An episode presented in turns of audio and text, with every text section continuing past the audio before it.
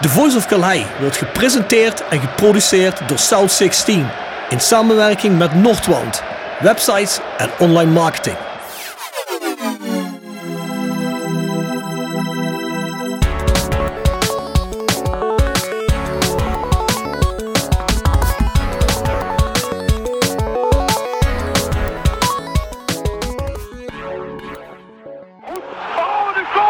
In de voetstappen van Dick Nanninga.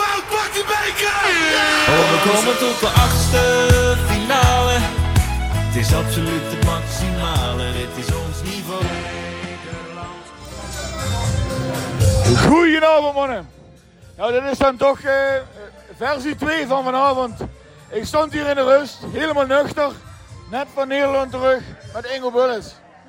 En eh, we hadden een uh, pub uitgezocht die eh, morgen tussen de stadions in ligt. Maar deze pub, ik ga even Ingo het woord geven. Ingo, hoe noem jij deze pub? Het Apollo van Doha. Precies, het Apollo van Doha. Kwam hier binnen. Ik was nog teleurgesteld na de eerste helft. Dat uh, Wales achter stond. Het is gelukkig nog 1-1 geworden. Maar eh, wat veel belangrijker is, we hebben onze plek gevonden.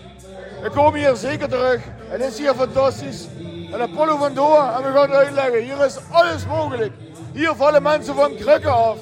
Hier wordt gesopen. Hier zijn hoeren. Je wordt doorgestript. Hier wordt gestript, ja. Ja, ze doen niet alles uit. Ik was wel net al bezig, maar ik heb hem tegengehouden. Maar de, de Indiase versie van Ivo Gulpen en Chef Kikken, die zijn hier actief. We hebben net uh, Booba Booba uh, van de Green Mile, heeft hier net drie, drie Pakistani naar buiten gesleept. Maar uh, ja, we hebben net afgesproken dat we of proberen hier een hotelkamer te krijgen. Of een abonnement te pakken op dit café. Mannen, er komt nog een vervolg over dit sfeerverslag. Hier gaan we nog veel wedstrijden zien. Hier gaan jullie nog veel van horen. En hier komt Ingo Bulles. En heel belangrijk, een halve liter kost maar uh, rond de 9,5, 10 euro. Oh, dat was ik bijna vergeten. Al die praatjes. Bij Ingo Bulles in het restaurant is een halve liter duurder dan hier. Uh, uh... Mannen, tot ziens. Goedenavond mannen. Vanuit het uh, Al Janoub stadion waar het bijna rust is, of het is nu rust, tussen Australië en uh, Frankrijk. Ruststand uh, 2-1 voor, voor, Frankrijk na een verrassende snelle voorsprong voor Australië. die gaan jullie lekker verder bespreken. Jammer voor de mannen van Graham Arnold. Ik geloof niet dat ze nog veel kans gaan maken. het zag er even goed uit, maar Frankrijk spelen wel heel erg makkelijk. Um, ja, hoe zag onze dag er vandaag uit? Uh, vanochtend lekker rustig opgestaan. Kopje koffie bij Starbucks, die ook op het Fan Village is gevestigd gedronken. Uh, en van daaruit richting de Mall of Qatar gegaan. de Mall of Qatar is echt gigantisch. je moet je ongeveer 25 keer het Choreo Center voorstellen. en in het midden daarvan ligt een gigantisch plein met een, een scherm dat, dat helemaal, helemaal rondom gaat. Eigenlijk drie schermen. En van daaruit wordt ook voetbal uitgezonden. Ehm, nou, daar, daar waren, we willen iets gaan eten. Daar kwamen echt honderden mensen op af. Er, lagen, er liggen een stuk of 30, 40 restaurants en restaurantjes omheen. Dus dat was, een, dat was op zich wel aardig om te zien. We zaten daar te lunchen, een beetje sushi te eten. En ja, overal stonden mensen van allerlei pluimage, allerlei nationaliteiten. Heel veel locals naar de wedstrijd van Argentinië te kijken. Nou, natuurlijk een hele grote upset. Uh, mensen waren met name voor, uh, voor Argentinië in het begin. Uh, nou, dat was natuurlijk een aardige eerste helft met drie afgekeurde doelpunten en, en de voorsprong. Bij de tweede helft waren we helaas weg. dus we hebben de 1-1 en de 2-1 moeten missen, want toen waren we onderweg naar de wedstrijd Denemarken-Tunesië. wat al opviel gedurende de hele dag, ook in die Mall of Qatar, daar waren ontzettend veel Tunesiërs. Dus we verwachten al dat we een uh, tamelijk groot leger uh, zouden gaan uh, aantreffen. Dat zijn de Denen natuurlijk ook, maar die hadden we helemaal nog niet gespot. in het stadion bleek dat ook. volgens mij waren van de 42.000 toeschouwers zeker 30, 35.000 mensen Tunesiër. Um, en dat was op zich wel gaaf, want in tegenstelling tot gisteren was de sfeer bij Denemarken-Tunesië heel goed op de tribune. beter dan, dan wat ik tot nu toe gezien heb in de stadions, maar ook via de tv begrijpen ja, heel, heel fanatiek publiek. Heel, heel erg opzwepend, heel erg intimiderend. Uh, Tunesië natuurlijk ook een ploeg die, die redelijk fysiek speelde. Ehm, ja, dat bleef helaas 0-0, maar ik was wel onder de indruk van de support van de Tunesiërs. Wat daar trouwens bij opviel was, als je dat vergelijkt met andere fangroepen, dan kwamen echt hele families naar het stadion. Dus dat waren gezinnen, maar niet alleen met vrouwen en kinderen, ook de opa's en oma's, vaak nog in traditionele kledij. Eén op de drie Tunesiërs had wel een Tunesische vlag omhangen. En dat niet die dingetjes die ze uitdelen, maar gewoon zelf, zelf meegenomen ja, een ontzettend fanatiek, fanatiek volkje. Dus daar leeft het voetbal echt gigantisch.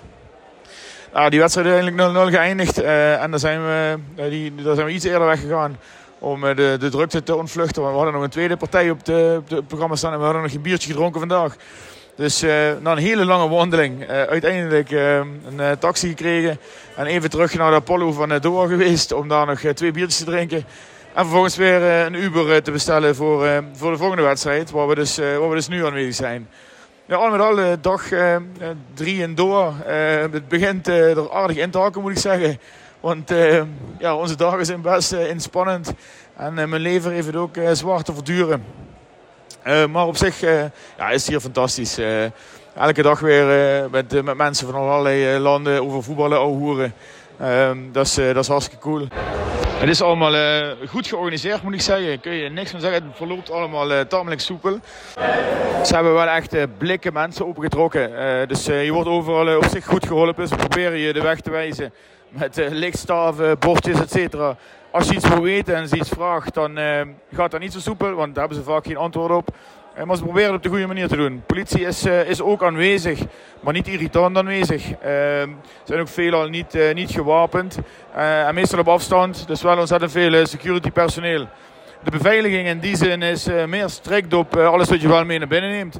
Dus er zijn metaaldetectoren, je moet je, je tassen laten scannen en zo. Ehm, en ze screenen ook op, op, op vlaggen en dat soort dingen. Er zijn dus afmetingen bijvoorbeeld voor een vlag die, die maximaal mag zijn. Het dingetje voor mij, eh, die kerkrode vlag is 5 eh, keer 1 meter, 5 bij 1 meter. Eh, dat mag dus niet. het is me gisteren gelukt om dat ding binnen te krijgen. Maar toen mocht en kon ik hem vervolgens niet over de ledboarding hangen op de tweede ring. Um, vandaag, vanochtend, uh, mocht hij niet meer naar binnen omdat hij te groot was. Dus die moest ik gaan inleveren ergens. En dan nou weer ophalen. Uh, nu hier bij Frankrijk tegen Australië kon hij wel. Heb ik hem mee naar binnen gekregen. En hem ook daadwerkelijk opgehangen. Uh, de lokale security gast die, eh, die vond het prima. Die heb ik ook uitgelegd. Uh, nou, luister, is de naam van onze stad. verder geen probleem.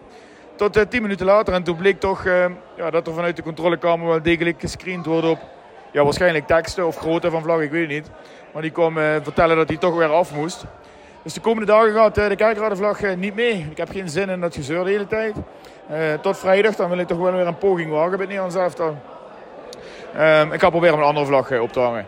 Nou, uh, Ingo en ik gaan zo uh, nog even een bar opzoeken, denk ik, na deze wedstrijd. Uh, als we daar nog kan maar over hebben om maar eens een goed Nederlands woord te gebruiken. Ehm, en dan kom ik morgen bij jullie terug. Mannen, fijne avond.